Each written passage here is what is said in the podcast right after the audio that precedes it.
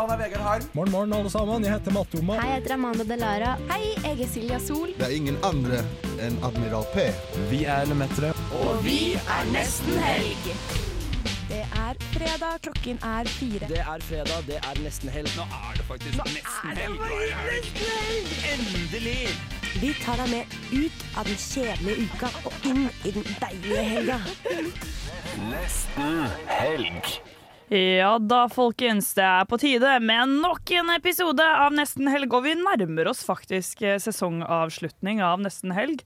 Eh, Det er riktignok en episode til, minst, men eh, ja. Eksamen den kommer byksende på, altså. Virkelig. Ja, den gjør det. Jeg er Marie, som du kanskje kan høre. Jeg har en gjenkjennelig og skjærende stemme, og med meg i studio så har jeg Nora. Morten bak spakene. Morten bak spakene. og Sondre, stakkar. Han jobber iherdig med bachelor, og det får da nesten være greit. I dag så har vi nok en eh, formidabel sending, om jeg så må si det selv. Vi får besøk eh, straks om ti minutter av ingen ringere enn Vassendgutane. Eh, vi skal også introdusere en ny lita spalte kalt Daria kultur eh, gjennom en eh, ja, elevs øyne. Det navnet er ikke spikra helt ennå, som du skjønte. Um, og så blir det litt uh, matnyheter. Det blir rett og slett en dritbra sending. Det vil jeg tørre å påstå, i hvert fall. Før den tid så skal vi høre en låt. Vi skal høre Tribino Ivanave Kalena med låta Good Day Sir. Morgen, morgen, alle sammen. Jeg heter Mattoma, og du hører på Nesten helg. Yes, det gjør du. Siden sist så har det jo skjedd litt eh, ting og tangen.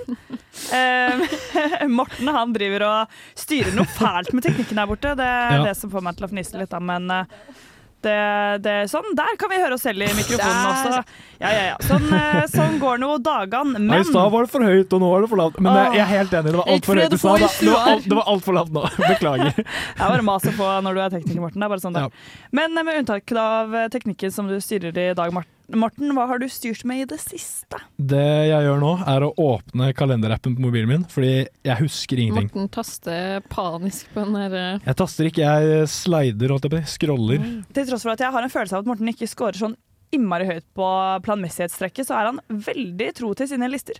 Men det er en konsekvens av min eh, lave, naturlige planmessighet. Jeg må ha er eksterne systemer for å offloade denne kaotiske hjernen. Det er det du kompenserer. Ja. Nydelig. Men det er imponerende hvor eh, godt du klarer å holde deg til de her eksterne systemene. Ja. Det, jeg har jo prøvd helt, meg, men eh, det visner jo bort som en eh, det er 100 nødvendig. Hvis ikke jeg har kalenderen min, så er jeg fucked. Men jeg syns det er veldig kult når folk liksom skriver ned ting de skal huske på, og så sjekker de faktisk ut den listen med ting de skal huske på. Ja. Fordi jeg skriver den listen, men jeg glemmer det jo likevel, for jeg har ikke ja, innom listen. jeg bruker bare opp tida mi på å lage alle de listene, og så der forsvant den ja. det store dragsyke. Nå har jeg scrolla, jeg scrolla litt i kalenderen, og jeg mm. ser jo Vi har jo Vi prata jo med De Lillos på lørdag. det. Det var jo helt uh, sykt rått. Og det, det intervjuet ligger jo ute, hvis du lytter til denne podden og tenker at det der skulle jeg gjerne ha hørt. Ja. Det lange intervjuet, 20 minutos, det ligger der. Mm, Bare masse godbiter og easter eggs med Nei, ikke nødvendigvis easter eggs, men masse ting du ikke visste, og som ingen har eh, visst før. Helt Kom under huden på det rykende fersk. Du vil ikke tro hvilke avsløringer vi gjør på det Ja, intervjuet. altså Hvis Se og Hør får has på det intervjuet der, da blir det medieoppslag. Virkelig. Så det var jo lørdagen, da. Eh, Intervju med De Lillos og en helt rå De Lillos-konsert i Storsalen. Ja. Det var, Det var sykt, faktisk. sykt kul konsert. Mm. De spilte Lars Lillo spilte gitarsolo på Kokken Tour i sånn ti minutter, og det var jo helt spinnvilt. Ja. De, de trodde De innbilte seg at de skulle gå av etter halvannen time, men så fikk de så mye jubelapplaus fra oss studenter studenter i Mhm. Storsalen at de gikk på, så spilte de seks låter til. Ja, det var det som var så sykt, fordi altså, alle kjenner jo til det på konsert at på en måte, du, hei, altså, du jubler dritmye når konserten er ferdig, og da kommer Mm. de tilbake og tar en låt eller to til. De kom og tok seriøst Ja, de tok sånn seks låter. til, som var Men da bare kan, jeg, da kan jeg faktisk bli litt sånn der matt. Eller sånn der, innstille seg på, på en måte sånn ja, Kjipt at den var ferdig, men ah, litt chill å kunne sette seg ned. Du- Men så må man bli stående i sånn 40 minutter! Du, det er faktisk så jævlig sant, fordi det artister må huske på Altså Jeg syns det gikk greit på De Lillos, men man står der med fuckings jævla vondt Yes, i ryggen. fordi ofte så kan jo konserten være litt sånn der Ja, den var fett, men det var litt mediocre, på en Ja, måte. ja, ja. Og da suger det jo balle om du Ja, var ja, ja. liksom Og selv på Delillos var jeg litt sånn denne svettelukten i pitten her. Jeg vet ikke hvor lenge jeg kan holde ut. Og Det var en ganske, ganske fæl pit eh, foran deg, ja. Jævlig svær armpit i samfunnet er jo litt cursed i form av at, all, at uansett hva slags konsert som spilles der, så er det noen som skal slå i gang en liten moshpit. Nora, du gjorde Det! Jeg var sånn på Delillos var jeg sånn Det kan ikke skje! Det kan ikke skje!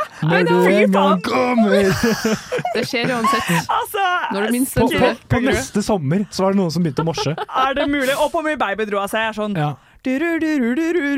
Nei. Nei. Det er ikke en sang for moshpit. Nei det, og det er også folk som drev og holdt øl over alle rundt seg. Og hvis du er en Hvis du som lytter til denne denne radiosendingen nå, er en person som på konsert står og kaster ølen din rundt og holder den over hodet, drit i! Du kan helle over deg sjøl. Du, du søler på alle rundt deg, og man blir våt og ølete, og det er ikke noe gøy. Nei, det er ikke noe gøy. Men det er jo egentlig det det er ukas høydepunkt, så det er det eneste jeg akter å fortelle om. Ja. Hva med deg, Nora? Hva har du gjort siden sist?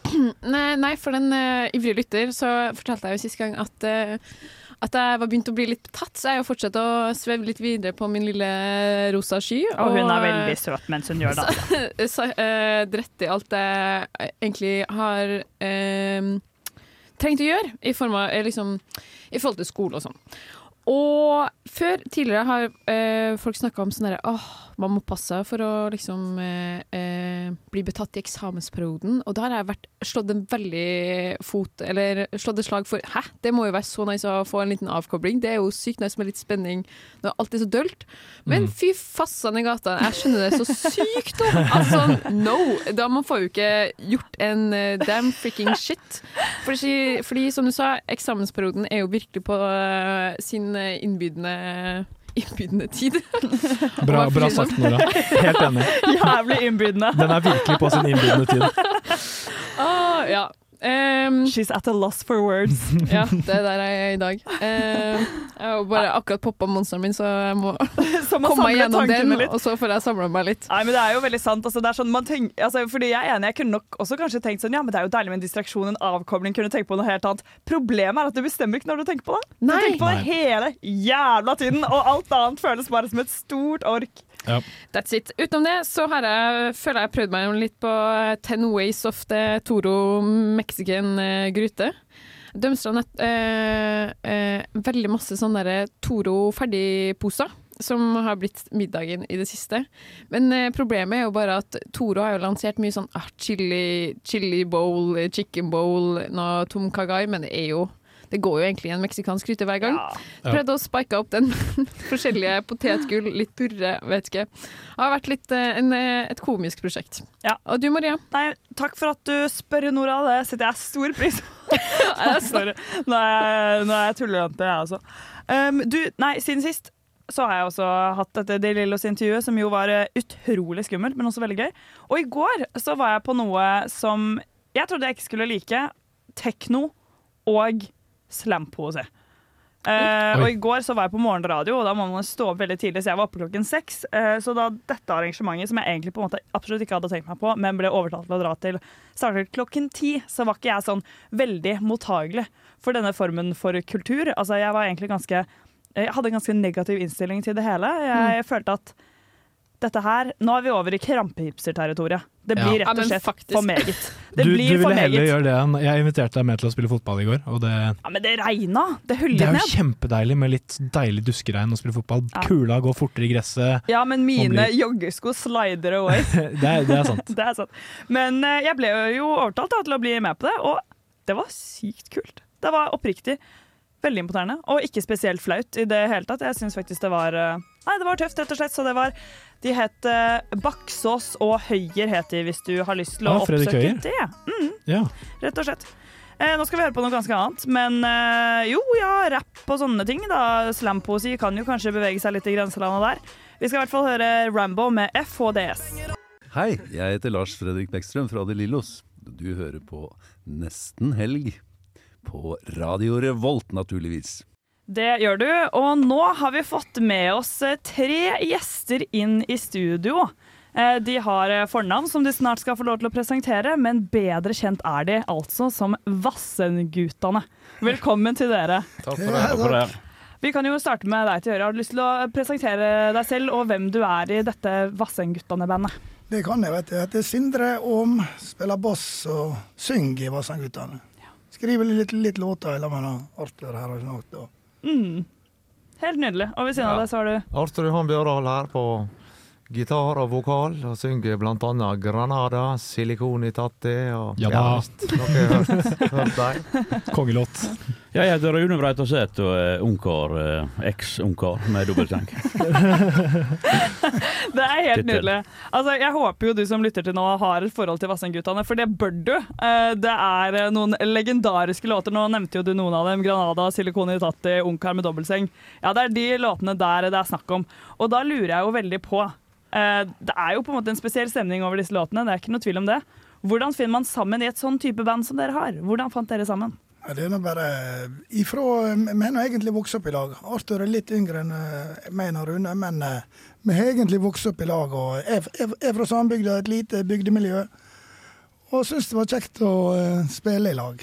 Sånn starta det egentlig, sånn enkelt sagt. Men hvor, hvordan, var det dere begynte å peile dere inn på låtene dere skulle skrive? For de er jo litt grovere enn det man kanskje får i NRK P3. Grove? Hæ? Ja, altså, you tell me! Nei, de er ikke så grove, men det er nå sånn det er her i samfunnet. Det skriver man om. Skriver om er det Stort sett dagligdagse ting, og sånn som det er, i hvert fall på bygda. Er silikon i tatt i dagligdags på bygda?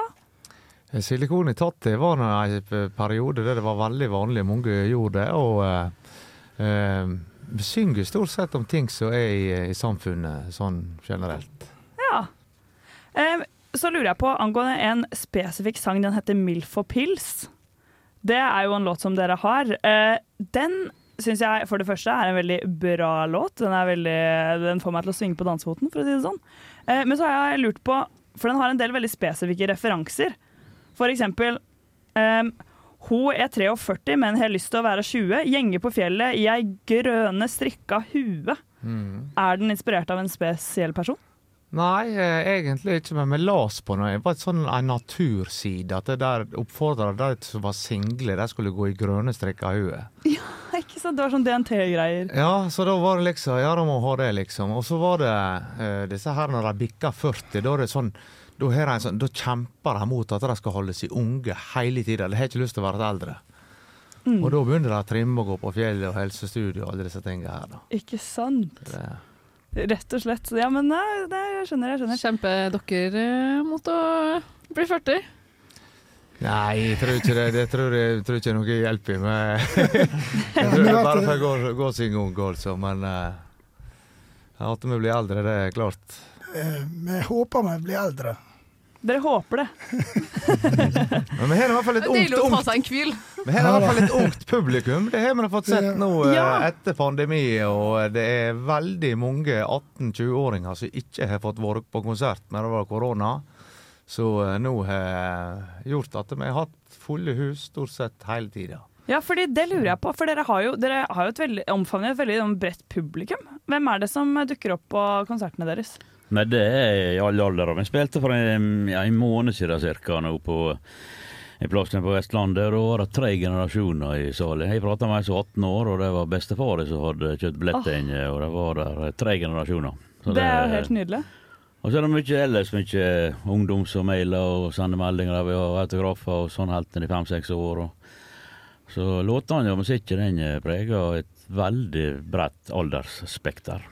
Absolutt. Ja, men det, er, det er litt vanskelig. Det er hva som gjør at ungdommen kommer og hører på oss. Det, er noe, det kan hende vi er litt galne, som du sier. Du, du vil nå ha det til at vi er litt grove og litt Ja, galne. ja, men jeg tror ikke ungdom er trekk jeg tror ikke vi trekker ungdom med å være for grove heller. Jeg tror ikke de liker det. så det det må nå være noe med tekster og rytme og hele greia. Det er noe, det er noe, det er noe liv i musikken, da.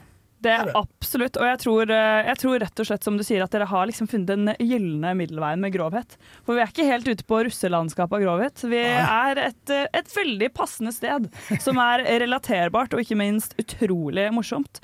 Og hvis du er så uheldig at du ikke har fått eh, mulighet til å høre noe Vassingguttene før nå, så får du muligheten. Her kommer Vassingguttene med 'Kongen av Norge'.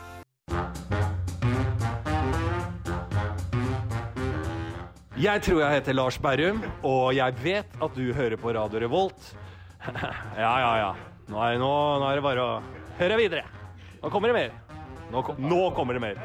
Nå kommer det mer.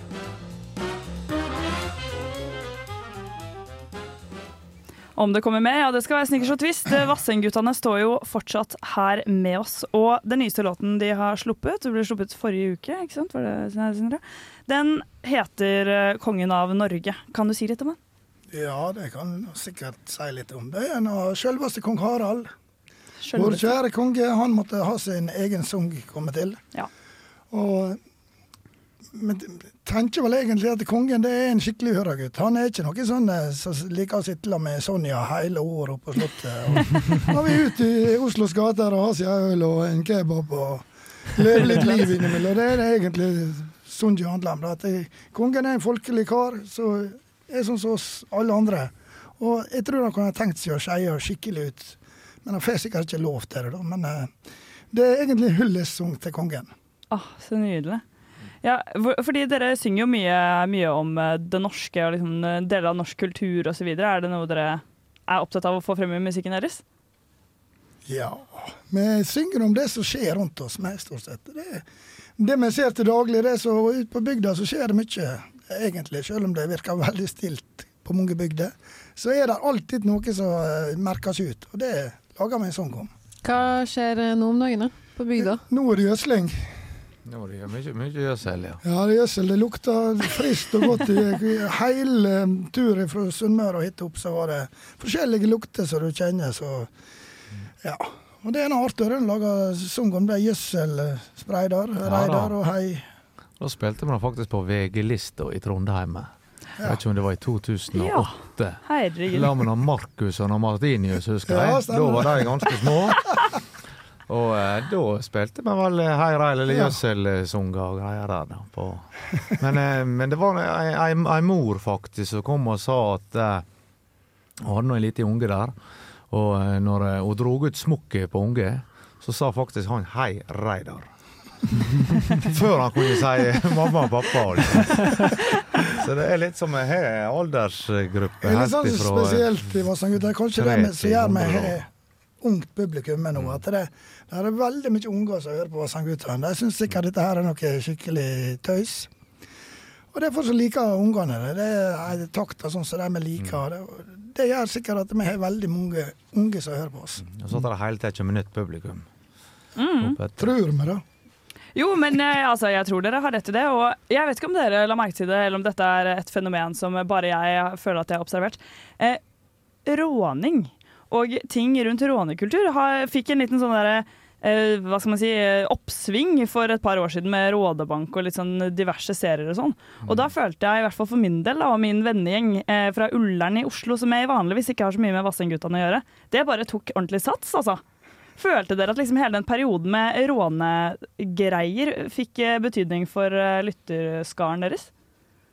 Jeg vet ikke, men det er klart at det, Rådebanken har vært en sånn som som har tatt dette bygdefenomenet opp en del. Det vil jeg tro. Mm, absolutt. Hvordan, eh, hvordan eh, syns dere det er da at liksom hele Oslo-losen Oslo-losen slenger seg på eh, denne bygdesjargongen, da? Det er det med råning. Det har vært Ørsta har vært sånn eh, hovedst, en av hovedstadene for råning i mange mange år. Det var Mm. både på 60-, og 70- og 80-tallet. Så da vi begynte i, i 96, så har det vært råning i mange mange år i Ørsta. Og, eh, men det som viser nå i senere tid, at det, eh, det er mange som tar opp den der sjangeren der med å skrive om råning og bygd og alt det der. Så det har blitt veldig stålreint nå i senere år. Ja, ja, men det har det. Altså, han eh, godeste Staysman sto nå nede på eh, Samfunnet for ikke så mange helger siden, og ja. Han har jo på en måte også peila seg inn på den retningen der, om jeg ikke skal på en måte sidestille deres musikk, da, for det ønsker jeg ikke å gjøre. Men eh, nå lurer jeg på eh, Har dere en låt som dere vil en, Altså låta dere som dere vil anbefale at folk eh, legger til på vorslisten sin nå i helgen? Altså før de skal på vorspiel eh, for eh, fest og fanteri og kanskje konserten deres. Det må nå være, en ny sanger her, det. Kongen av Norge. Ja, men jeg må nå ta med Granada, så er av dem. Ja. Den rånesungi som var sånn virkelig her, og det er nå en rånesung. Ja. Så hvis det er rånere, Granada, og hvis de liker kongen, så kan de spille kongen av Norge. Nydelig. Men det ja. Gå inn på Spotify-lista til eller Vassendguttene sin liste der, og der er mye bra. Det er, det, det er jo egentlig bare gull. Altså, man kan liksom ikke Det kan, det kan ikke slå feil. Det er bare, ja, men det er bare gull. Det er eh, altså Hør en låt, og du ler høyt, og det er good, good times only. All Allsang, og tar du en liten sånn snaps i tillegg, så blir det ekstra kjekt. ja, det er jeg enig med. Ta med deg en snaps eh, Og til vi, det hele. vi må jo få takke alle ungdom og alle disse her som hører på denne radioen her, at dere gidder å høre på Sangguttene og syns det er kjekt. Du, Hvis man, eh, hvis man skal høre dere spille i kveld, hvor er det man eh, går da? Da skal på Tapperiet på Esedals.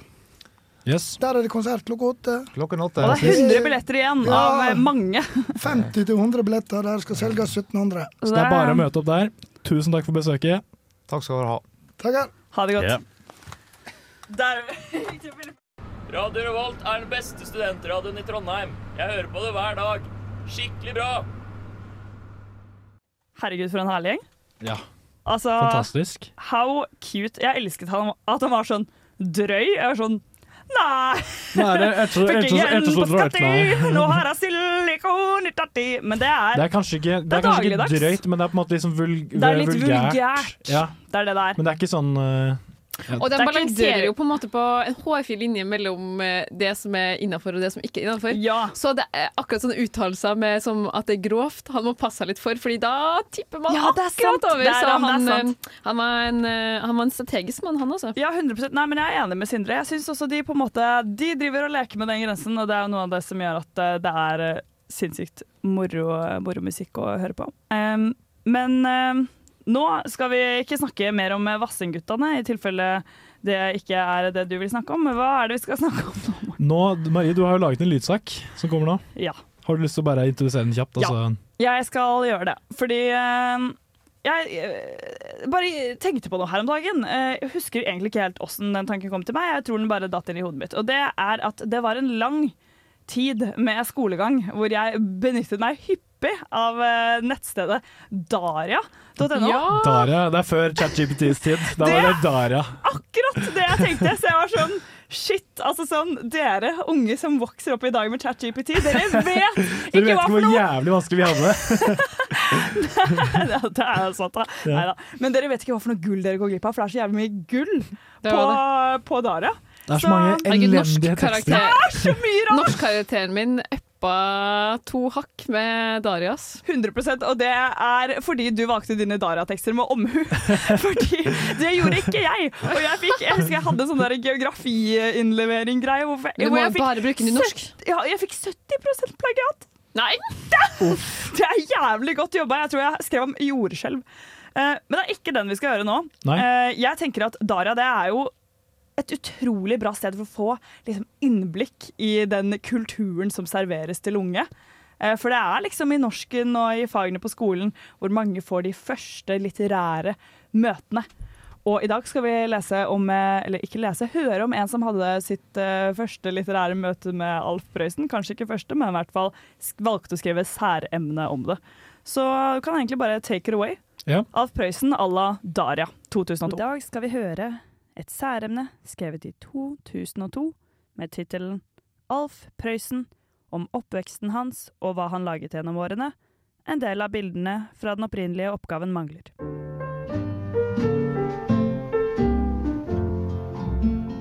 Fra 1950 var Prøysen og Ringsakersdialekten hans allemannseie for barn og voksne i Norge. Han ga den folkelige kulturtradisjonen blant småkårføring som nådde en enestående popularitet, og han var svært produktiv både i lyrikk og prosa med visesamlinger og flere samlinger med fortellinger.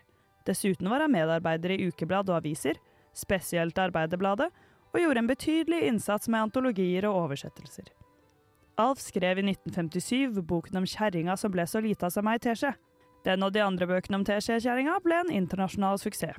I dag har Prøysens barndomshjem blitt til museum, og trekker til seg flere turister hvert år. Barndomshjemmet, som er ganske sentralt i flere av fortellingene og visene han har skrevet, heter for Prøysenstua. Jeg har selv vært der mange ganger. Har også vært på flere andre husmannsplasser eller husmannsheim. Som Alf Prøysen sa, i Prøysen var det som i andre husmannsheim. Det var ei stor stuga, der sto det to senger etter veggom, og ved døra sto en slagbenk. Så hadde de langkrakk og et skatøll og to trestoler til. Grunnen til at jeg valgte Alf Prøysen, er at Rudshøgda der han vokste opp, ligger ca. 5 km fra der jeg sjøl vokste opp. Jeg har selv vokst opp med Alf på radioen. Hos oss i Ringsaker og resten av Norge er han fortsatt en viktig kulturtradisjon. Jeg skal i oppgaven fortelle om Alf Prøysens oppvekst, når gjennombruddet hans kom, og litt av det han skrev gjennom åra før han døde i 1970. For nå skal bolla pinnsvin gå på skolen. Alf Prøysen på Furu skole. På Furu skole gikk både husmannsunger og unge fra bygda storgårder. Alf gikk på Furu skole fra 1922 til 1929. Alf var en av de flinkeste elevene i sin klasse. Han kunne lese før han begynte i første klasse. Han var flink til å tegne og ble raskt en mester i å skrive stil. Men sjøl hevda han at han skrev som ei katte som hadde hikke. Alf greide ikke å holde bøkene så fri for flekker som lærerinna helst ville. For hjemme hos Prøysen fantes det bare ett bord, og der skulle alt slags arbeid foregå, også lekselesing. Alf skrev skolestilen En dag jeg minnes godt. Stil ble vurdert til særdeles god av lærer Storås. Alfs første linjer på trykk. I 1938 fikk Alf også for første gang sine verselinjer på trykk. Det var under stor tvil at han hadde sendt diktene til vurdering. Han var belest, men derfor redd for at lesefruktene skulle prege det han selv skrev. Tidligere hadde han sendt tre dikt, hjemme, alders og illustrert familiejournal, men fikk aldri svar på noen av dem. Men så skjedde det. Kooperatøren antok at diktet Røde geranier til sitt septembernummer og betalte 20 kroner i honorar. Diktet var skrevet på riksmål og var for øvrig et stykke versekunst dikteren senere gjerne vedsto seg.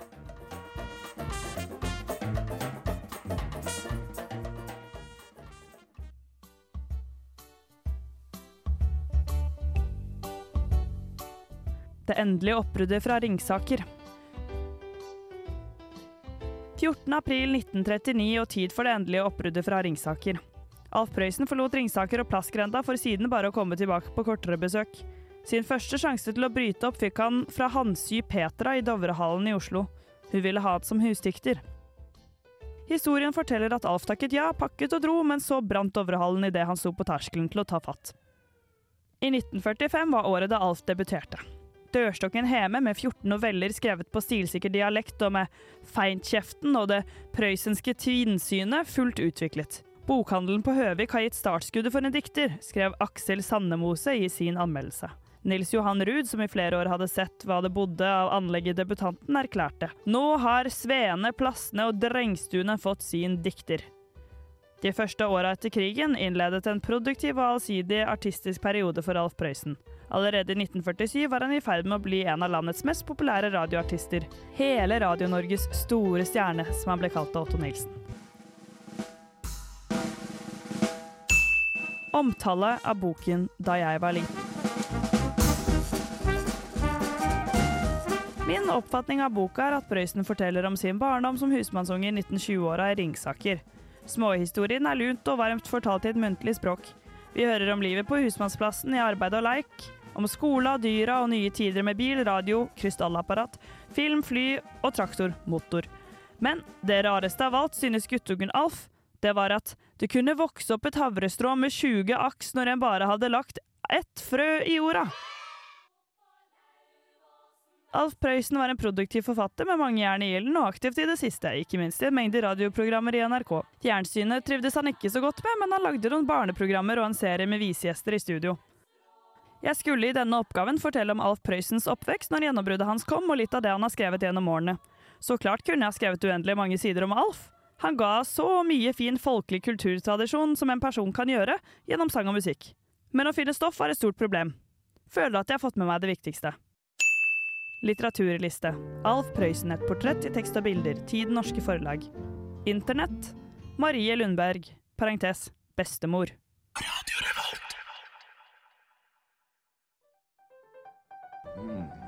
Cover all 9,000 taste bud. Aerate it. Warm it up. Driving up that top note. That cream. Pure vanilla. Sweeteners. Mm, that's a 10. Nami, nami, nami, det er tid for matspalten, eller som mamma foreslo at vi burde kalle den chipsspalten, fordi som regel maker vi bare på potetgull. Men i dag har Nora tatt med seg noe annet. I dag er det faktisk ikke chips. Vi er på ølfronten. Fordi det er jo min eh, favorittspøk hver gang det kommer en ny eh, sesongøl. Altså sånn høstøl, juleøl, sommerøl i butikken, og si åh, endelig. Høstøl tilbake igjen. Fordi de fleste vet, eller jeg føler jo det eh, konsensus om at eh, høstøl er jo egentlig bare vanlig øl. Et eh, slags billig salgstriks. Og nå har eh, Isbjørn kommet med sommerøl. Den sier jo altså sånn Etiketten er litt lysere, veldig freshe farger. Altså sånn, man ville jo heller kjøpt den enn en vanlig isbjørn. Ja, den ser fin ut. Er veldig pen. Eh, og, men så begynte jeg å tenke sånn Shit, er det faktisk egentlig en forskjell? Det her må vi komme til bunns i. Vi skal Ja! gjøre en liten uh, mythbuster. Crusher, Oh my god, det må vi. Er sommerøl egentlig en ny type øl? Eller er det akkurat det samme? Derfor har jeg gått til innkjøp av en isbjørn sommerøl og en vanlig isbjørn. Ja. Som vi skal knuse oss gjennom. Shit, men jeg må innrømme at høstøl tror jeg aldri har hørt om. Så Nei. det kanskje er den ene ølen av sesongen jeg ikke har hørt om. Shit. Eh, han, eh, Hansa vet jeg har en eh, Vet du hva, Det har de helt sikkert. Altså, Ja. sånn, det, etter hvert så må de begynne på månedene, tror jeg. Det blir Ja. januarøl, februarøl. Og så blir det Der så blir, sier du noe. Ja, men jeg tror det. Ja, ja, ja. Og så blir det øl for hvilken dag det er. Hva er det som gjør Hansa høst, hø, høstøl Høst, da? Det var veldig vanskelig å si. Hva er det som gjør Ja. høstølen til høst? Er den lysere? Er den Altså, mørkere? spør du den meg, så spør jeg det. Jeg synes, det er jo derfor jeg syns det her er et veldig komisk konsept. Da. Ja, fordi sommerølen den er vel litt sånn lettere ofte, mens juleølen er jo faen meg åh, Jeg ser for meg det, Det er som en juleøl. Juleøl er helt jævlig. Hva syns du om juleøl, Nora? Åh, jeg er ikke så fan. Nei. Det er, som, det er som å drikke et grovbrød, liksom. Ja, det er helt forferdelig. Ok. Jeg lurer på, Skal vi nesten ha en liten eh, blindtest, da ikke si fra hva som er hva her? Ja, jeg Ja. syns det. Skal Morten Morten Nå eh, deler jeg ut en liten eh, pappkrus med litt isbjørn og litt isbjørn sommer. Ja. Nice. Og Nora har stålkontroll på hva som er i hvilket glass, naturligvis. Du, så, du ser hva jeg har i venstre hva jeg, jeg har, Den du la til venstre, har jeg venstre hånd. Den du la til høyre, har jeg høyre hånd. OK, jeg starter med den første, jeg nå. Fantastisk. Åh, det lukter godt, da. Mm. Nam, jeg vet at jeg liker isbjørnøl veldig godt, Mm. eh, så det Dette var Ja. bra. Jeg likte En den. pils. En vanlig pils. Smaker pils. Jeg tror min første var en sommerøl, jeg. Nå lukter jeg på den andre. Og smaker på den nå. Mm, mm, mm, mm. De smakte forskjellig. Ja, det gjorde det. Jeg føler meg rimelig sikker på at den som var nærmest meg, var sommerøl. Stemmer det? Mm, Eller har du ikke helt kontroll? jo. Jeg var bare midt i, midt i en sånn her intens smaks... Uh, Ja, kjent på de eh, not, notene der. Ja, fy faen, jeg så det. De smaksløkene var on fire. Du, dere har jo absolutt eh, helt rett. Kan, jeg, eh, kan jeg gjette, jeg òg? Ja.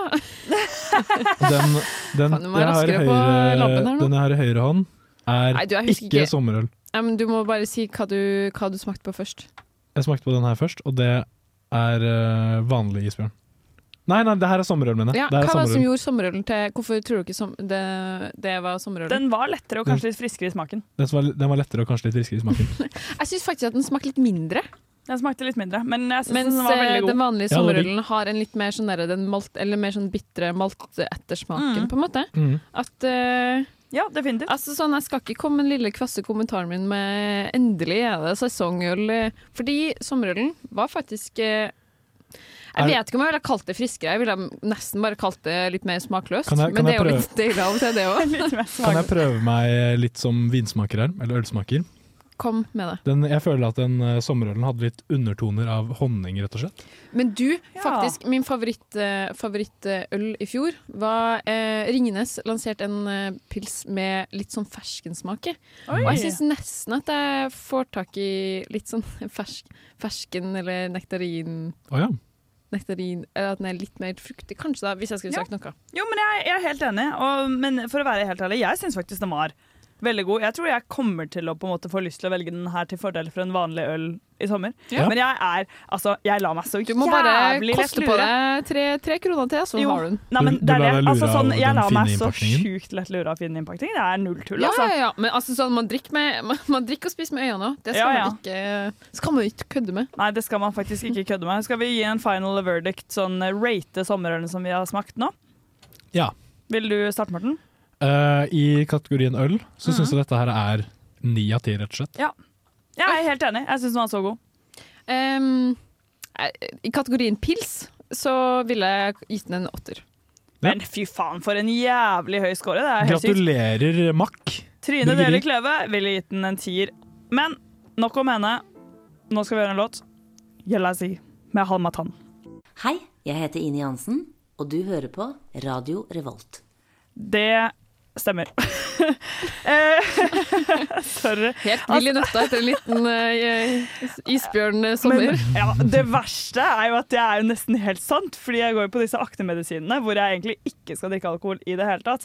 Og det er jo regler jeg eh, trosser, men ikke for mye, så jeg prøver virkelig å restricte det. Og jeg merker at nå, hvor jeg på en måte har gjort det i seks måneder Morten can attest. Det skal Ja. lite til for at jeg blir Morten can attest, nå må jeg få høre. rimelig god i Jeg gikk jo på ISO, jeg også. Å ja, sånn ja. Jeg tror trodde det var bare en uh, heftig opplevelse på De Lillos sist helg. ja, det var egentlig det jeg sikta til. Oh, ja, Men faen, det var sant bra det, at sant Morten det. bare reddet meg ut av det jævlig fort. Ja, sant opp den sant rota likevel. Nå, nå skjønner jeg hva du mente. Du drakk jo sånn tre øl og tok én snus, og så var det bare helt Da eh, gone. For du, du havna på snus. Det er også en sånn derre make it or break it for meg. Eller sånn, 100%. når jeg merker at jeg er for full, da er jeg alltid der jeg kaster meg på en liten snus og kaster opp. Og det som er så irriterende det med den, det som er så irriterende med den snusituasjonen, Mari, var at du var i ganske god eh, befatning uh, fram til du fikk den snusen. Og vi fikk tilbud, eller sånn, jeg ble spurt, ja, er du keen på en? Og så var jeg sånn, Uh, nei, jeg står over, ass. Og så er du sånn, nei, jeg skal ha en! Eller bare sånn, du hadde så gyllen mulighet til å være sånn, nei, ikke jeg heller. Ja, ja, ja. Og det, altså 100 Men jeg ryker på den smellen hver gang. Nora har Ja. også bevitnet at jeg har røyket på den smellen. Um, men det er Jeg vet ikke, men det er som du sier, Nora, at man blir bare så jævlig gira på en snus når man har fått i seg noen øl. Det, Altså. og det er, det er så typisk at det er når jeg er i best humør, jeg blir litt sånn herre Yes, mer! Snusrus. Ja, ja, ja. Få det på, liksom. Og, jeg, og da er jeg akkurat sånn som Marie. Sånn, det, er liksom ikke sånn mm, Ja, kanskje jeg skal prøve meg på en snus. Da er jeg sånn! Jeg skal ha snus! Og det, det er gøy i ca. 30 sekunder, og så er det ja, da er det dritnice.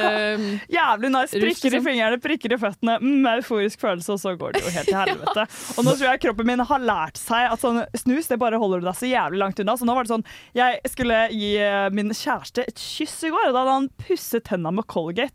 Da fikk jeg brekningsreflekser. Sant! Ja, det var, jeg syns det var dritekkelt, for det er jo epoksmaken, det. Ja. Ja. Men apropos lykkerus, eh, så blir det jo Det er jo snart eh, Det er jo eksamensperiode, som betyr at det er snart sommer. Ja. Som betyr det det at det er snart festivalsesong. Og da er jeg nysgjerrig. Hva slags festivaler skal dere på? Ah. Fordi man må gjøre en liten brainstorm. Plutselig er det noen fete festivaler man eh, aldri har hørt om, som er kul å få med seg. Ja, De festivalene jeg skal på, har du definitivt hørt om. Eh, men de er likevel verdt å dra på. Jeg prøver egentlig fortsatt å misjonere flere til det glade, glade budskap og bli med på disse festivalene. Da særlig den første, O store Roskilde. O, store. Altså, jeg var der i fjor. Eh, det var innmari gøy. Jeg sa til meg etterpå at det blir nok en stund til neste gang. Og det ble ganske riktig et år. Som er på en måte så lenge du kan vente. Men det er, det, er jo en, det er jo en stund, på en måte. Det er jo en stund. Eh, Det, du, må, du må sitte i Roskilde-karantene i ett år. Og det, for å være helt ærlig, når den karantenen var over, så kjente jeg suget etter å dra igjen. Det er altså Det jeg syns er veldig kult med Roskilde, er at selv om det er en jævlig stor festival, så har de Det er jo en festival over syv dager, men selve begynner vel på onsdag. Det begynner konserten og sånn. Før det så er det noen veldig små på en måte, artister og arrangementer og sånt. Eh, Men også liksom, altså under selve festivalen så får du virkelig smakt på sinnssykt mye forskjellig musikk. Definitivt utrolig mye man aldri har hørt om før. Eh, I fjor så var det noe sånn russisk punkeband som var sånn opprørsk og veldig fett, egentlig. Um, altså, det var ikke noe jeg ville hørt på i det daglige, men det er jo på en måte noe av poenget her. At man får liksom en anledning til å bare høre på så mye forskjellig og bare uh, bli overraska, egentlig. Eh, det er liksom ikke eksklusivt uh, på en måte trekkplassere. trekkplasteret. fant du noe du likte i den startfasen, da, som var litt mer sånn eksperimentelt, eller hva man skal kalle det? Obskurt? Oi, du, Det er faktisk ikke noe jeg husker på rappen her, så det er jo litt synd. Men eh, jeg fikk jo en eh, Altså, selv om de er veldig store fra før, så var det definitivt Roskilde som gjorde at jeg ble veldig obsessed med The Strokes i fjor. Ja. Og de Ja, er jo bra. Ja, altså det er et dritbra band. Det var visstnok en elendig konsert, Nei, jeg skulle til å si Nå begynte sånn når jeg sa det, Nei, den var jo ikke bra. det fordi det var jo en helt kom komisk eh, konsert. Jeg var jo på Roskilde i fjor, jeg også. Ja. Og eh, de var jo både høy og full og helt borte vekk, så det var jo bare oh, ja. Og kom Men det var, sent og det var faktisk Det var så dårlig Eller sånn De var så borte at det ble faktisk vel For, for min del ja. en komisk opplevelse. Spilte de, spilte de dårlig, liksom? Ja, det, han mumla jo bare. Ja, han var det var liksom helt ute, hørte umulig å, å tyde et eneste ord. Men, og han hadde noen sånne lange taler mellom, eh, mellom sangene, som var bare så på ut på heia at, eh, Herregud. at det var Ja, jeg syns det var morsomt. Ja, det var eh, Jeg kom meg aldri så langt, jeg. Fordi jeg var så jævlig gira på den konserten at jeg rett og slett eh, Den, den tok slutt for min del før den begynte. Eh, Så sånn var det. Jeg ble eskortert hjem til mitt telt av en 05-er jeg hadde blitt kjent med. Så det var jo tidenes festivalminne. Eh, Så det må jeg jo bare repetere. selvfølgelig Skal dit i år igjen og gleder meg som en unge og prøver å få Morten med. Nora har eh, satt foten ned og sagt eh, nei takk. Eh, Men jeg håper jeg ser dere begge på Øya, som jeg skal på på slutten av sommeren. Hva med deg, Morta? Jeg har jo veldig lyst til å være med på Roskilde. Det høres jo supergøy ut. Men jeg skal jobbe syv uker i sommer. Og det overlapper Roskilde? Det overlapper med Roskilde. Ja, og jeg prøver, jeg prøver å samle mot til å Ja. spørre de som eh, de jeg jobber hos, om jeg please kan Skader ikke å spørre. De Nei, det må glemmer du det. bare- altså du må sånn- bare spørre. Altså, må, folk folk syns jo det er gøy med festival. Altså, sånn, det er jo ikke sjokkerende å spørre om eh, å få dratt på en festival. og du kan være ydmyk. Du kan skrive 'Jeg har selvfølgelig veldig forståelse for hvorfor, øh, hvis dette ikke går, men jeg lurte på'. Ja, Skal vi skrive den mailen etterpå, da? Ja! Ja. ja! Fordi jeg har lyst til å være med. Og da kan Nora være med. Ja, Da må du være med også, Nora. Hihi. Vi får se på det. For jeg skal jo også på eh, Øya. Jeg skal på min nye favorittfestival etter i fjor. Det Jeg bare var megalykkelig tre dager i strekk. Vinnerrock. Ja, kult. Helt fantastisk. Eh, så jeg skal dit. Og så har jeg også hørt om en elektrofestival ute i skauen. Monument, som jeg også tenker å dra på. Så i fjor ble det en festivalsommer, og det ser ut som det blir i år også. Jeg hadde egentlig ikke så Det var fett med Roskilde, men det var kanskje ikke den beste opplevelsen. Men i ettertid, vi har debrifa litt eh, oss i campen da, og funnet, funnet fram til at eh, vi mangla en soundbox. Hadde dere en soundbox? Ja, Vi hadde ikke en soundbox, men vi hadde en god høyttaler. Ja.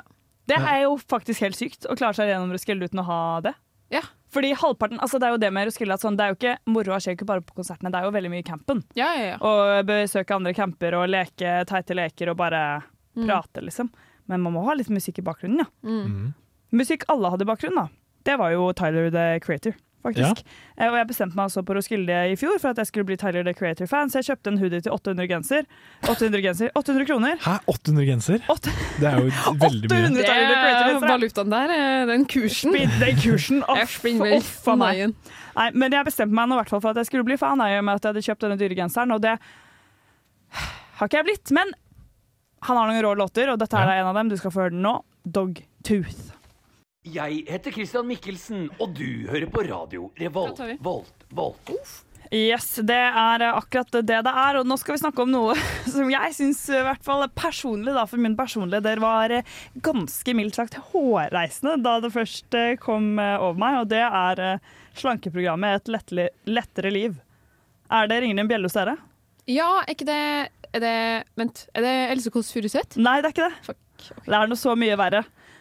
Vi har forresten fått inn en gjest her, Ja. eh, som egentlig ikke har så mye med Velkommen at, til eh, bords. Velkommen til bords. Hei, Sara. Hei. Ja, vi har fått eh, fine, fine Sara fra Uillustrert. Eh, vi eh, har deg egentlig som ekspertise til noe som eh, straks skal skje, men eh, ikke dette stikket, da, bare for å gjøre det klart. Ja.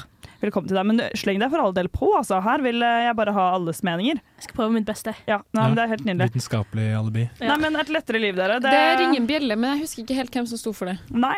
Nei. Morten, Det er Kari Jakkesson. Det er Kari Jakkesson sitt program der hun skal sende barn på slankeleir. Oh, ja, det er et, men det er et eh, program som skal lanseres nå? Ja, Nora. Det skal lanseres nå. Det er faktisk NRK som satser eh, Nei. Jeg bare I alle dager. Ja, Det alle, alle barn i, eh, i Trondheim kommune har faktisk blitt spurt. De har uh, sendt inn psyko psykologer for inn i gymtimene Ja. og plukket ut heit Politisk ukorrekte greier. Det synker 2003 av dette her. Ja, jeg tror jeg bare ble Ja, ja, ja, nå kom jeg på Det her er jo et program som gikk for dritlenge siden, som er helt sykt at det gikk, men det bare minner meg veldig på et program som Else Kåss Furuseth nettopp Ja. har lansert. Ja. Eh, som eh, heter så mye som eh, Helsekost Furuseth. Furuset. Furuset. Helsekost Furuset. Beste navnet. Og jeg husker jeg tenkte sånn herre Shit, eh, jeg lurer på om du egentlig var sykt gira på å lage det her? Eller om hvor mye man må gjøre på bestilling som på en måte en eh, Ja. slags eh, programleder, da. Sånn, ja. ja det Men ser jeg. eh, ja, det er jo en annen sak. Men ja, et Det- lettere liv. Det, et lettere liv, det er nå i hvert fall eh, Ja, det er jo på en måte det serien eh, sier at den er. da. Den sender eh, barn som er eh, overvektige, ut på eh, en Sorry at jeg ler, men det er så jævlig sykt. Ut på en slankeleir hvor de også skal spise veldig restriktiv eh, mat. Og vi som, skal bli, vi som er vordende psykologer, Nora, vet jo at det er bra. De barna kommer er til å holde seg bra. Noen av de barna risikerer virkelig å holde seg jævlig syltynne for resten av livet altså når de Ja. får denne indoktrineringen. Um, og én er jo ting er på en måte å finne på det her konseptet, men det er litt morsomt at eh, ja, skal sette seg i sofaen en fredagskveld, få på noe god underholdning. Vi skal se på noen kids på slankeleir. For en fredagskveld. Det er god underholdningsverdi, det. ja, ja, ja, veldig god underholdningsverdi. Og det som jeg også bare syns er litt uh, sykt, er at noen av disse barna har til og med uttalt at de ikke OK, nå skal jeg, jeg skal faktisk lese opp her. Eh, her er det et av barna da, som eh, var med. Dette er Thea Austad. Hun var da 16 år da hun var med, tror jeg. Eh, hun, hadde, hun, veide, hun var overvektig og hadde forsøkt å slanke seg mye og vært med på forskjellige programmer. Og så hadde ikke egentlig fått så mye ut av de programmene hun hadde vært med på. da. Um, og dette er det hun har å si om programmet. Et lettere liv. Dette var siste utvei for meg, men jeg skulle ønske det ikke ble sendt på TV. Fy faen. ass. Jeg skjønner Der fikk jeg litt vondt. Da jeg leste det, jeg fikk bare helt klump i magen. Hvordan er det hvor, Sorry, men det handler ikke om Kari Jakkesson, dette her. Det er sånn Hvordan har alle voksne personer i lagingen av dette programmet bare vært sånn Ja ja, men Ja, for det har gått gjennom så mange ledd. Det har Hvem, gått gjennom så hvem var det ledd. som uh, produserte det? Nei, det, det må du spørre noen andre om. TV, Um, TV Norge. TV Norge. Skam, skam dere. Og nå må vi henge Skam dere. Og det er 2006, så de kan eh, fortsatt skamme seg. Selv om det er mange år siden. Ja, de kan faktisk fortsette å skamme seg. Altså, jeg, det jeg også er eh, veldig overrasket over, er at det på en måte ikke står mer om det når man søker om det på nettet. Fordi det er liksom disse artiklene fra 2006 og liksom, ja, rundt den tiden. Eh, også en artikkel fra 2009 hvor det er sånn Hvordan går det med de nå? Hvor om han ene så står det sånn Han slanket seg masse, og så fikk han alle kiloene tilbake. Og det er sånn Herregud. Jeg orker faktisk ikke. Så, men samtidig, jeg tenker jo på en måte at eh, Jeg skjønner jo at eh, vi har blitt veldig woke og sånn i 2023, da, men det har kanskje noe for seg, eller? har kanskje noe for seg. Det er egentlig alt jeg hadde lyst til å si om det. For øvrig så har jeg prøvd å finne dem eh, på sosiale medier, og få dem er å finne bortsett fra. yeah. Og her har vi en solskinnshistorie, vil jeg si. Carl Seidi Hammerich. Han har blitt SoMe-ansvarlig for TV 2 eh, og er ambassadør for PlayStation Norge. Og har en eh, veldig fin eh, Instagram-profil som dere kan søke opp. Den heter Karlskap. Herregud, for en CV. Karlskap, ja. Ja, ja, det er jo en veldig bra CV. Jeg, jeg vet ikke, jeg måtte bare få det ut. Altså, dette var jo uh, Dette er det som ligger i arkivet, da. Og selvfølgelig, hvem er det dere tror skriver om det? Det er Nettavisen. Of course. Nettavisen. Nyheter. Barn slankes på TV. Anyway, la oss roe ned med en eh, låt før vi skal gå over til noe ganske annet. Dette blir Thundercat og Tame Impala med No More Lies. Hei, jeg er Lars Lillo Stenberg fra De Lillos. Du hører på Nesten helg på Radio Revolt. Er det noe tvil om det? Og nå det? har jo vi fått ekspertise inn i studio som, er vidt, eh, på, som så vidt på kaotisk vis røpte i sted. Sara Lutro fra Uillustrert vitenskap. Yes. Du har kommet hit for å snakke om en kjendis ved navn Kevin Lauren. Ja. Fordi jeg er ganske opptatt av uh, populærkultur, Og du er proppfull av referanser, det må vi bare Ja, altså. proppfull av referanser. Syns den litt mer trashy delen av den norske kulturen er veldig underholdende og morsom. Absolutt. Men denne uken så oppdaget jeg at jeg hadde et gigantisk kunnskapshull. Svært. Et krater. Ja, faktisk. Jeg vet nemlig ikke ikke til hvem overs å få med en gang du ikke tar over en referanse fra kjendisverdenen. Altså. Og det, da, vent fem sekunder, så hører du, da skjer det. Det skjer nå. Ja, for jeg vet ikke hvem Kevin Lauren, Kevin Lauren, jeg vet, hvordan sier man det engang? Kevin Lauren. Kevin Lauren, Jeg vet ikke hvem det er. Nei. Til eh, alle mine venner i kulturredaksjonen her i Radio Revolt sin store forbausning. Virkelig. Ja. Fordi vi- dere to er forbausa.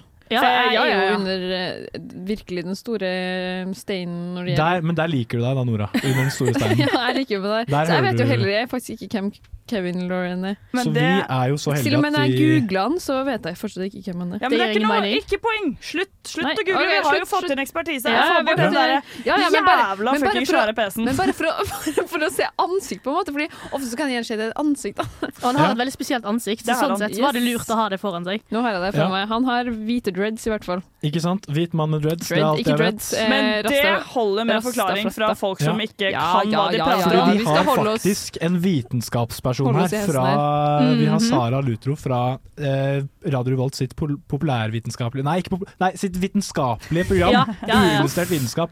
Så la oss eh, Let's get eh, scientific, tenker jeg da. Kan Take du, it away. Kan du, kan du please forklare meg hvem denne mannen er? Det kan jeg. Og jeg tror kanskje vi må starte helt på begynnelsen. Ja. Sånn Kevin Lauren ble kjent. Eh, han har ikke alltid vært Kevin Lauren. Han har et veldig norsk eller skandinavisk navn. Kevin Solberg. Å Oh, ja, seriøst? Ville du sagt at det fantes veldig mye bakgrunns, uh, bakgrunnshistorie sånn for eh, Kevin Lauren? Veldig mye law? Det er masse Kevin Lauren. Ja, men skal vi, skal vi d gjøre et dypdykk i den Lauren nå, da? Vi skal ta et dypdykk i Kevin Lauren nå. Null, null poeng til Morten. Beklager. Um, og det begynte med Paradise i 20... Nei, Paradise sesong 9, tror jeg. Ja, Eh, Paradise. siden. Det året lord Audun var med, Ja. for de Ja. som eh, har kontroll på han. Da var han en eh, helt vanlig fyr fra Oslo som var med på Paradise. Du, nå begynner det å ringe en bjelle her. -hmm. Eh, og han, jeg tror lord Audun er kjent for å ha slått til han inne på Paradise. eh, Gjorde han det? Det var ikke snilt. Eh, og etter det så gikk han under radaren. Um, forsvant. Og så plutselig så bare kom det en fyr med rastafletter og eh, litt sånn halv eh, Halv eh, Hva det heter gettoaksent. Ja, og det må jo Det må man faktisk legge merke liksom, Det er bemerkelsesverdig, da. Fordi inne på Paradise så var han jo kanskje den rake motsetningen. Heller ekstremt streit og sossete og liksom litt sånn homofil, på en måte. Så han, han ble slått veldig hardt. Fy Jeg faen. tror han ble Det var det som skjedde. han, altså, Jeg tror han prøvde å være litt sånn Justin Bieber. Så får dere Justin Mm. Bieber eh, Ja. Justin Bieber Um, i liksom As Long As You Love Me-perioden, måte. Akkurat sånn, ja. Eh, og så eh, fikk han vel en fengselsdom. Nei. Eh, Kevin Kevin Lauren? For narkotikaoppbevaring og eh, ruspåvirka kjøring. Etter eh, Paradise. Eh, ja, men mer- nærmere sånn 2020-2021. Yes, Nylig. Okay. Og etter det så gikk karrieren hans til topps, for da var han med Balenciaga på eh, den kjente sangen eh, 'Dans på bordet'. Nei, Ja, nei, nei, nei, det er. Mokel. Uh, den heter 'Loud Luxury'. Loud Luxury. Mhm. uh, og da er det hele karakteren Kevin Lauren tar fart. Uh, en broder En broder En broder kommer fra Streetsa i Sandnes. Ja, for han er Altså, er fra helt- Sandnes. Ja, og der er Streetsa GTA, og det er Det er liksom Ja, det er bare helt eh, merkelig. Og jeg kjenner faktisk at jeg kjenner på et sånt ubehag når jeg ser han, fordi jeg Ja. er sånn Er du en karakter? Ja. Eller er det sånn du oppfører deg til vanlig? Ja. Ja. Og jeg får et skikkelig ubehag av å ikke vite. Men jeg er så enig, fordi dette var det vi snakket om. Vi hadde en sånn powerpoint-kveld med kultur, eh, altså radiokultur forrige uke. Og da uh, spurte jeg Lars Martin om det, som er en annen person i radiokultur, som også, i Mhm. likhet med Sara, kan mye om Kevin Lawrence. Så spurte jeg hva tror du, liksom? Er det en diagnose der? Eller, eller bare Eller er det en karakter som han spiller? Fordi det er en av de to. Ja, og jeg, jeg leste et intervju nå rett før jeg kom her, og der sier han jo sjøl at eh, etter at han var i fengsel, så fant han seg sjøl. Eh, og nå er han sitt ekte Altså, nå er han seg sjøl. Sånn Nå har han funnet liksom den virkelige Kevin. Å, herregud. Eh, og han fikk spørsmålet er det en karakter, og da sier han nei. Jeg overdriver kanskje noen ting, eh, men jeg er 100% real, liksom. This is me. Han måtte bare inn i fengsel og finne sin indre rastafari og kebabdialekt, på en måte. Ja, og det er, det er litt vondt å se på, syns jeg. Ja, fordi Hvilken Um, side er det du heller mest mot? Tror du det er mest karakter, eller tror du faktisk at han er overbevist selv? på en måte? jeg har lyst til at det skal være en karakter, fordi jeg har ikke lyst til at noen skal være sånn som det, hvis det er lov å si. Men jeg, jeg, jeg veit ikke. Jeg har null peiling. Jeg syns det er helt umulig. Og nå skal han jo være med på 71 grader nord. Det er derfor det her på en måte surfacer opp, fordi Ja. Jeg fikk det opp i dag tidlig. Det var det første jeg så i dag tidlig når jeg våkna. Å. Og jeg bare fikk litt sjokk. Ehm, For det ble kunngjort i dag, ble det ikke? De Jeg tror nye det. deltakerne. eh, Så en, bro, og- en broder skal til fjells, En broder skal til fjells. En broder skal til Og en broder vil ha med seg jaktkniv, for oh, han er redd er for elg svak. og ulv. Svak for å begynne å, begynne å si sånn herre En broder skal til Ja, og han snakker om seg selv i tredjeperson. Ja. Det er òg en ting. Det, det, en broder snakker om seg selv i tredjeperson. Det er noe tvil om det. Vi skal snakke litt mer om han uh, straks, men først skal vi høre ei lita låt. Vi skal høre Kite Ramine med 'Forever'. Hei, det er Thomas Seltzer her. Du hører på Nesten Helg på Radio Revolt. Og vi skal høre på ei lita, ei lita klipp, hvis vi, et lite klipp, hvis vi får det til. Jeg skal vi det med en gang nå? Ja, jeg trodde det. Ja, fordi det er jo Jeg vet ikke hvordan den gutten Jeg vet ikke hvordan en, en broder prater. Nei, og det er veldig gøy, fordi eh, som sagt så har han jo en liten sånn gettosleng. Eh, og en skulle jo trodd at eh, han snakker jo Altså, han snakker jo om seg sjøl som eh, innvandrer, eller andre førstegenerasjons eh, eh, innvandrer. Hvorfor gjør han det? Fordi han at han er tre fjerdedeler dansk. Å, gud. eh, så, så en broder er ikke fra Norge. Eh, Å, herregud! En broder er ikke fra Norge, Han er fra gammelt. da. han er fra, fra Danmark, så jeg tror det er det han snakker litt om der. Oh Jeg skal sjekke. Jeg har fått opp en reel her, og jeg, nå vil jeg flekse med mine tekniske skills og se om jeg får Jeg håper det går, da. Skal vi se. La oss Som høre. det heter når foreldrene dine har vandret inn til dette melkehvite landet. dersom er som det går her. Det er det, det er det verste med Norge, at det er så mange hvite. Det er det eneste jeg misliker med Norge. Jeg kaller meg ikke selv for hvit, jeg sier lys, siden jeg er første generasjon. Ja. Så, så jeg er 25% norsk. Dere er 100, dere er 100 100, ja. ja. Dere er 100 ja. To går her, sånn. Jeg må si det sånn at dere er, eh, dere er fete til å, å, til å være hvite. Hva, hva er Sorry, men Skjønner dere hvorfor jeg ikke klarer å tro på denne Det karakteren? Altså, kan dette jo ikke være sant. Dette er humor. Altså, det er humor eller psykose. En Ja, av de to. Det er akkurat derfor. Det er, det, det er, det er så ekstremt. Men jeg føler det er på vippepunktet på humor. Altså, jeg syns det her er helt komisk.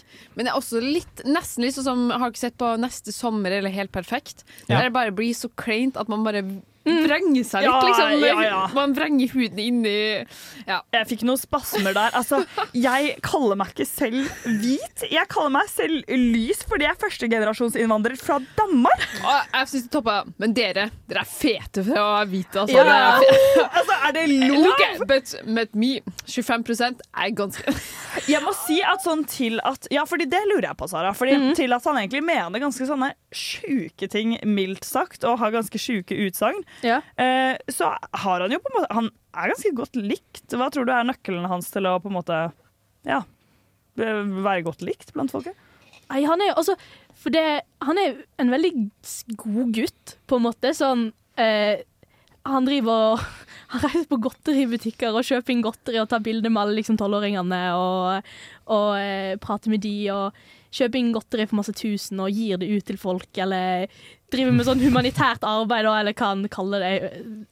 Og bare sånn, Han bare appellerer veldig til disse kidsa, da, tror jeg. Effektiv altruisme. Ja, eh, og jeg tror rett og slett det bare Jeg tror mange liker han som en joke. Ja. Eh, er du blant dem? Nei.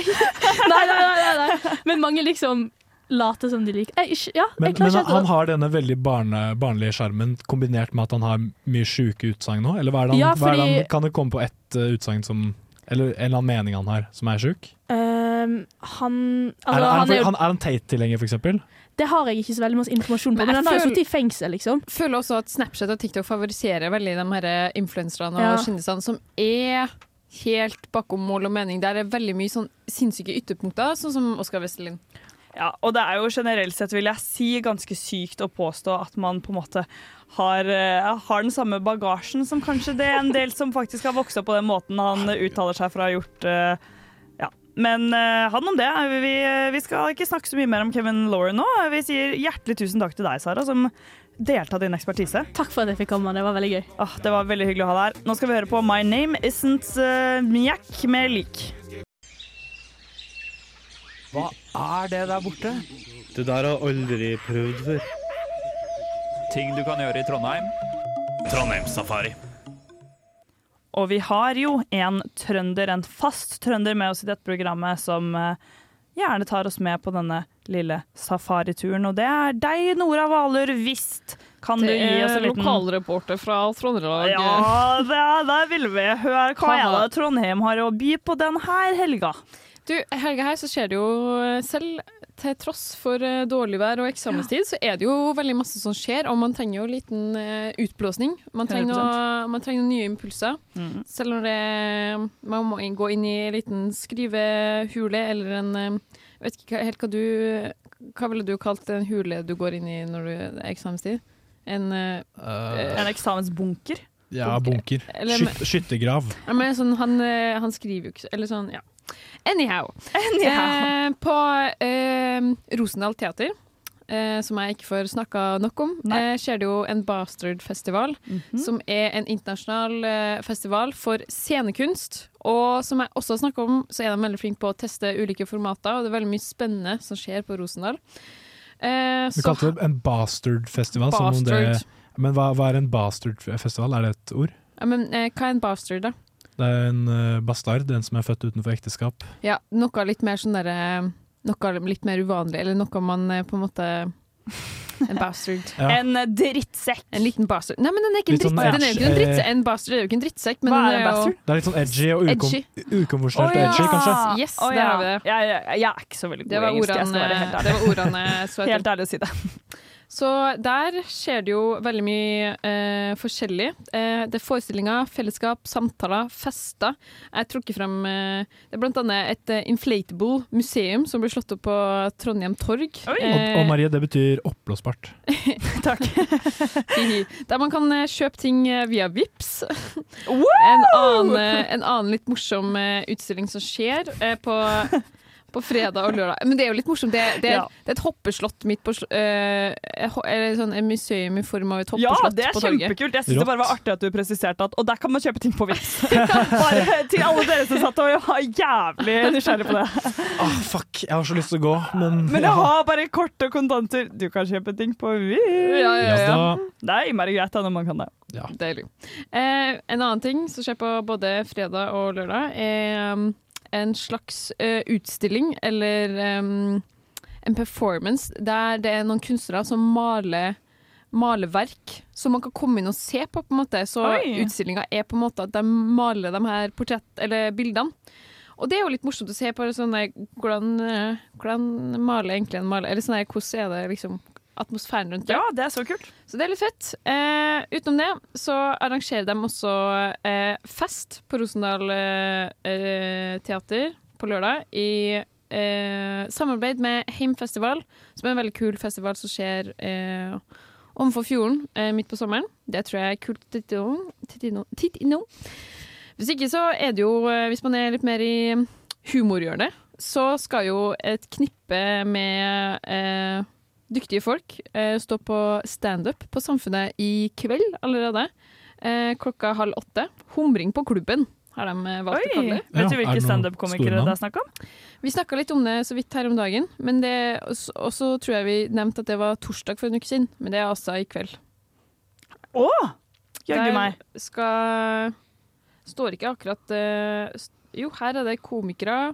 Alva Hogdenstad, Andreas Eide, Jakob Grande, Ruben Rønnevik, Nutti Pelika. Andreas Eide han har jeg hørt om. Jeg har hørt at han er veldig, eh, veldig flink, yes, en yes, veldig yes, yes. flink fremadstormende norsk ung Fremadstorm- Ja, komiker. jeg tror det. Så jeg lurer på om han var med i noe sånn Radio Revolt, sånn der student... Nei, det tror jeg ikke. Nei, ok. Nei, Nei. nei. Nei, det var en annen. Andreas. Det var helt sikkert en annen. Mm. Nei, men shit, så gøy.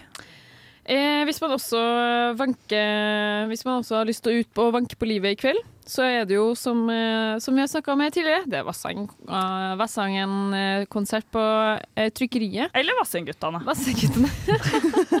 Hva er det du Ja, men- foretrekker? Ja, men de blodfansa kaller du bare Vassengen, visste du ikke det? 100 Men eh, hvis man har lyst til å holde seg i eh, bykjernen, så er det jo Juno-konsert på lokal, som jeg tror eh, er veldig kul, for de får support fra Monstera. Det er også ganske Ja. nice. Dæven! Pla Er mer- planten eller Herregud, er det Planten. mer? Det er jo helt sykt mye. Skjer alt dette i helgen? Ja, tenk det. Fy faen. Trondheim, kulturbyen. Ja, virkelig. Og så, sistemann, sisteplass, siste, men ikke eh, Ikke nei, den minste, minste, ikke men den lilleste eller den Hvis man vil eh, danse litt, afrolatin dance parties på Ingedusjen på havet i kveld klokka ni. Er bare for en liten 50-lapp, så kan man komme inn der og ha eh, en liten eh, DJ Hasi. Spille herlig dansemusikk til enhver smak. Det er Simba, afrobeats, batacha, batacha, salsa serba, Men hvis du heller og. Men hvis du heller foretrekker jazz kalakish kadati, da kan vi anbefale Nei da. Men det vi alle får ut av dette, er dæven døtte. Er dette byen jeg bor i? Dette er ikke Paris, dette er Trondheim. Og dette er det Trondheim har å by på. Det er ikke lite. Det er ganske mye. ganske mye? Nå skal vi først by på en låt, vi. Ja. Lazy Queen med I See You. Jeg er Jonis Josef, og du hører på Nesten Helg. Det gjør du, og du skulle kanskje ikke tro det. Men Nora var faktisk ikke gjennom sin liste med eh, kulturarrangementer i Trondheim. Kaldt, avfeid på siden.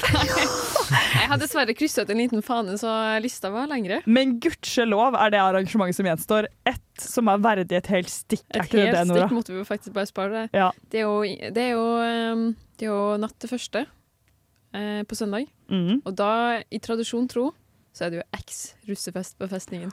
Oi, oi, oi. Og hva er det? Det er høydepunktet i året. Hva er eks-russefest? Eks-russefest, da samles eh, alle som har vært eks... Nei, har vært russ. russ. Da samles alle ekser! altså en eks-russ, og så har man en eh, eks-russefest på festningen.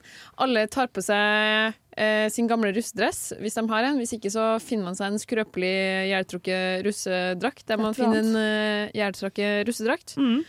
Og så går man opp på festningen og drikker seg kanakas eh, på dagtid. Og så er det noen soundboxer med russemusikk, og alt i alt en fantastisk dag. Jeg syns det høres helt nydelig ut. Ja. Har dere vært på, deltatt på eks-russefest før? Nei, det har jeg ikke. Eh, da, jeg tror eh, første anledningen til å dra på en sånn type fest, det var da jeg var ny student i Trondheim. Og da var jeg nok litt der hvor jeg var sånn Russetiden er fortsatt relativt fersk hos meg. Så jeg følte at det ble litt for tidlig å slenge seg på noe sånt. Jeg kunne liksom ikke si sånn åh, mimrer tilbake for ett og et halvt år siden. Ja, for Det er her er jo liksom- gjort med en liten ironisk distanse, på en måte. Ja. Og det blir, jo, det blir jo litt komisk når det var i fjor, da, på en måte. Ja, det er liksom det. Og jeg var jo, for å være helt ærlig, og det er jeg kanskje ennå, jeg syns fortsatt russetiden og russelåter er jævlig gøy. Helt hundre. Men det, Altså, da, da, da hadde jo vært veldig gøy for deg å dra deg. Det i morgen, i morgen klokka, klokka ett på festningen. Der, der ser du meg. Der finner du du Marie. meg. Har du lyst på en liten mine- autograf fra den her ja. fremadstormende radiojournalisten? Da finner du på festningen i morgen. Uff, jeg tror ikke jeg hadde turt å gå med den dressen nå, med liksom alle de signaturene og ting fra videregående som er liksom Ja, for jeg gikk veldig opp i den der russedressen. Der er det veldig mye Men eh, ja. Samme her, samme her. Hva med deg, Morten? Du er jo fra Bærum. Åssen var din russetid? Jeg, jeg kommer jo fra Jeg gikk jo på RUD, på musikklinja. Ja. Der er det jo veldig Det er litt ukult med russetid. Liksom. Det er veldig lite eh, kultur for, uh, for russetid, sånn egentlig. Men Ja, hva det- betyr det? At dere ikke er russ engang? Jo, vi, eller vi er russ, vi går rundt med russedress, og vi, Ja. har jo, vi møtes jo og har fester og sånn. Men det er Ja. liksom ikke, folk drar ikke på landstreff, og folk, har, folk er ikke det er, det fin, Jeg vet ikke om det har fantes noen RUD russebuss noen for gang, egentlig. Men det gjør det jo ikke i Trondheim heller, selv om jeg føler at det er russetida gjeldende. Jo, det fantes en RUD-russebuss i 2009 som het Fyllharm 09, som i Filharmonien. Det var jævlig døvt. Ikke sant? Og det er grunnen til at det ikke er noen russebusser fra RUD. Jeg syns, Ingen jeg, syns- før, ingen etter. jeg, jeg syns det er et morsomt navn. Ja. Personlig syns jeg det er Phil, Fyllharm 0, o, Jo, jo. Phil, Fyll, Fyllharm Onien. Det Da er- liker du sikkert det som var vårt uh, russnavn. Jeg gikk jo på uh, Oslo katedralskole, som nok er samme type, har samme type forhold til russetiden som Mhm. RUD. Den feires ikke, i hvert fall ikke med buss. Den feires i form av akkurat som du sier. Da. Man har på seg drakten, og så drar man og, og drikker litt iblant, og litt fester og tull og fanteri. Mm. Eh, den skolen heter på latin, fordi det underviser vi på Katta. Eh, Skåla osloensis. Navnet ble Skåla osloensis. Jeg syns det er kjempegøy. Jeg syns det er litt funny. ja. Helt legende. Jeg, jeg digger det. Ja, takk skal du ha. Takk, takk, takk. Eh, Nora, hva, hvordan var din eh, rusttid som eh, trønder? Du, den eh, var egentlig veldig bra, fordi eh, i Trondheim så har de en veldig nice kultur I mine øyne er det veldig nice kultur for russetid, fordi Mm. det er ikke buss, men det er telt. Ja, Som det er så mye bedre! En slags eh, teltlandsby oppe i Bymarka. Der alle bare Man kommer og går Det er ikke sånn derre Oh, du er invitert på rulling i kveld'. Mm. Det er bare sånn, Mm. Teltet står åpent, det er noen tepper der, sofa der, masse høyttalere, et dansegulv. Syns egentlig bare det var helt eh, loco nice. Men er det argumentet for eh, den teltkulturen? Er det for å unngå utstengning, utstenging eller er det, Nei, det er bare for at det er nice å ha Du har jo du, Men det, det er ulovlig jo med, med russebuss, er det ikke? Eller er det bare kultur? Å nei, du må, nei det, det er ikke ulovlig. Du kan Nei. jo gjøre det, men det, det er bare ingen som gjør det. Ingen har jo telt i Oslo, for eksempel. Det jo, men det er jo ikke ulovlig. Eller bare sånn, det er Nei, det, det man sant. Jeg syns det er så sykt kult. Altså, jeg fikk høre om det første gang for noen år siden, og jeg ble bare helt sånn Hvorfor i helvete gjør ikke vi dette her? Mm. Altså sånn Ja, Vi bruker flere hundre tusen på en eller annen elendig Ja. polsk buss som ja, faller fra elendig hverandre. buss, og det er altså sånn Jeg var med å rulle én gang i russetiden, og det var gøy den ene natten. Men hvis jeg hadde tenkt at, den, at det var verdt 50 000 kroner, liksom Al Altså at Mm. jeg hadde brukt 50 000 og så mange arbeidstimer på det. Fy faen, det er ikke Altså Det å feste i en buss, det er liksom sånn du forestiller deg. Altså. Det er Ja. ikke jævlig glamorøst. Men det skal også sies at, at det, det går jo noen penger i de teltene der òg, på en måte. da. Men det går ikke- det er ikke fire millioner, millioner, Ikke liksom. sammenlignbart. Ja, faktisk. Ja, nei, det er, helt, det er en helt absurd tradisjon. Jeg synes vi, Der har vi osloensere mye å lære av Trøndelag. Yes. Så jeg gleder meg jo masse til ekstra russefest. Skal finne frem min Jeg er jo faktisk ganske glad i russedress. Nesten samme forhold til den som bunaden min. Vaska du den noen gang? Nei. Vaska du din, Morten? Eh, jeg er usikker. Det, så godt husker jeg ikke. Jeg husker jo ikke mitt liv, Marie. Dette vet du. Nei, det er sant. Og du er- begynner jo også å bli ganske gammel. Skal ikke legge skjul på det. Nei, det er da. sant. Nei da, stakkars, stakkars. Gammel og grå. Jeg tror eh, vi skal høre en låt, jeg. Ja. vi skal høre We Might Be Strangers av Guilt Trip. Jeg fikk en leiebil med dårlig felg. Men det er heldigvis nesten helg på Radio Revolt. Heldigvis er det nesten helg, og da lurer jeg på i den forbindelse, hva er det du skal i helgen, Nora? I helga? Eh, jo, eh, liten introhistorie. Min eh, roomie har vært i Kenya i tre uker nå. Eh, så når hun spurte om vi skulle henge på fredag, så var jeg jo, sa jeg jo så klart ja. Og jeg var veldig på tilbudssida. Hun er veldig glad i å sove ute og være veldig mye ute i naturen. Jeg syns jo også det er fint å være på en tur. Ikke så gjerskla glad i å sove ute når det er Gradestokken viser under ti grader, og det finnes snø i marka. Men jeg sa nå ja likevel. Mm, God venninne. God venninne, som jeg er. Nå kjenner jeg at det finnes ikke en eneste plass i kroppen der, jeg, der det frister å tråkke meg opp til Bymarka for å legge meg ut og sove der. Så jeg har faktisk tappa ut på overnattinga, men jeg skal likevel tråk, få meg opp der og koke opp en liten uh, Toro meksikansk gryte. og uh, henge litt med hun og venninna hennes. Eh, så det blir kvelden i kveld. Så det blir dessverre ingen uh, Vassendguttene-konsert på meg. Men du Eh, er på det punktet hvor du virkelig, virkelig skulle ønske du var med på den istedenfor. Er ikke du det? Ja, det er jo nesten sånn at jeg kanskje sender en Nei, jeg skal, jeg skal komme opp i marka, og så får vi se hvor lenge det varer. I morgen så eh, er det jo Elektrosamfunnet. mm. Og under Trondheim Calling så oppdaga jeg jo eh, et veldig artig elektroband. Forska Korska, eller Korska Forska, husker ikke helt. Jeg gleder meg helt vilt til å se dem, og det er helga. Jeg har en kjapp kommentar til det du sa der. Korska elek- og Nei, Korska, Forska. Elektrosamfunnet. Ja. Eh, mine billetter er ute for salg.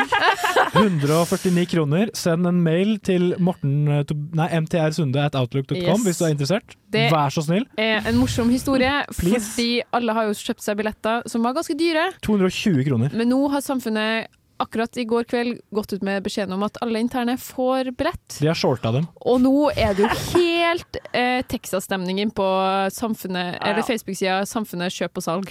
Det er kjøperens marked. Og Morten kom akkurat det. for sent inn til kjøperens marked. Jeg er kjempebitter. Men Morten, hva skal du da? Jeg skal jo på Vassendguttene etterpå. Ja. De var jo så sjenerøse at de var sånn Ja, skal ikke dere ha billetter, da? Skal ikke dere Skal ikke dere ha billett- billetter? Nå ble de finske plutselig. Skal ikke dere ha i billett i. det Det var fisk, bra. Ja. Det var bra. Ja, men vi skal jo ha billetter. Altså, da, da, blir, da, Klart vi skal. da ble, ble det jo konsert i. Da ble det det. Så det er, det det er kvelden i kveld, da. Det blir Vassendguttene. Det blir jo stor stas. Det blir veldig gøy. Og så i morgen så skal jeg lese litt, uh, grinde litt eksamenslesing på skolen med noen uh, mennesker som er flinke og som kan lære meg det jeg trenger å lære. Forhåpentligvis. Og så skal jeg ha et aldri så lite vors i morgen i anledning siste Samfunnet-helg. Nydelig. Så det Og søndagen så blir det vel bare sønd Søndagen blir det kanskje cava, men det høres ut Oi! Ja, jeg ser at du brekker litt, Marie, og jeg gjør det selv, men uh, Nei, du, det er gøy, altså. Det her Ja. er, må, må dere ikke Altså, bli jeg har egentlig sykt lyst til å ville dra på Kava søndag, men Ja. eh, jeg sy det er tre dagers. Uff. Det kan hende at øh, Ja, det er veldig slitsomt, men det høres veldig gøy ut. Vi får se. Jeg ser han for meg på søndag. Kanskje det blir kava. Det blir i hvert fall en ordentlig siste innspurt før eksamen. da. Det er det, for det er jo siste åpningshelg på Samfunnet. Det er jo på en måte nå man må virkelig bruke opp kruttet man har, så man må jo bare ta den helt ut i helgen. Har du planer om å bruke opp kruttet da, Marie? Jeg har planer om det. I kveld så skal jo vi på Vassendgutane, som kom litt sånn eh, bardust på, men veldig veldig klar for det. Og Sara, som, er, eh, som var her i sted, og som eh, er ikke fra Ørsta, men fra Hordaland. da. Same same i min bok, da, for å si det sånn. Hun skal være med, så det blir veldig gøy. Og i morgen så skal jeg på vorset ditt, da, og så eh, feste. Feste og heste på elektrosamp, det blir jo dødsbra. i hvert fall, Ikke minst heste. Ikke minst heste. Ikke minst teste og hesebleste. nei. Oh my god. Ja, akkurat for langt der. Nå gikk jeg over en grense. Jeg Oh my, oh my god, Marie. Oh my god. Flaks vi er på veis ende her nå. Nei, nå. Ja. Ok, Det nei, du- Morten, Morten har lyst til at jeg skal si nå, Nei, er. Oh my god! Nei, Nå du- syns jeg vi skal høre en låt, og det heter tilfeldigvis Oh my god av Beharie. Morten er helt rød i ansiktet. Hei, dette er Fay Wiltagen, og du hører på Nesten Helg. Det gjør du, men not for long. Nå er denne sendingen eh, ferdig. Hva, hva syns du om eh, sendingen i dag, Morten? Jeg syns det har vært gøy. Det var sykt fett at uh, Vassendguttene stakk innom. Og det verste er at de, de sendte jo mail til oss, gjorde de ikke? Eller Eh, ja. hva, hva, hva i helvete er det som har skjedd med Nesten Helg? altså, jeg OK, jeg har en liten, eh, jeg har en liten spådom for nesten helg. Ja. It's on the rise. Ja, du det- har bare sett sånn. starten av dette eventyret. Når du kommer hjem fra utveksling, Nora, som jeg ikke husker om du fikk sagt, men når du kommer hjem fra utveksling om et halvt år, da er det nesten helg, er ikke Nå, nesten det det her det har er blitt det nye eh, eldre country-programmet til Radio Revolt. Det har, blitt, det har blitt rød løper på Snapchat. Rett og slett. Nei, eh, det er egentlig bare en ting vi er nødt til å gjøre, vi. Ja. Og det er å si God helg! Nå skal du få høre JPEG Mafia x Danny Brown med Garbage Pale Kids.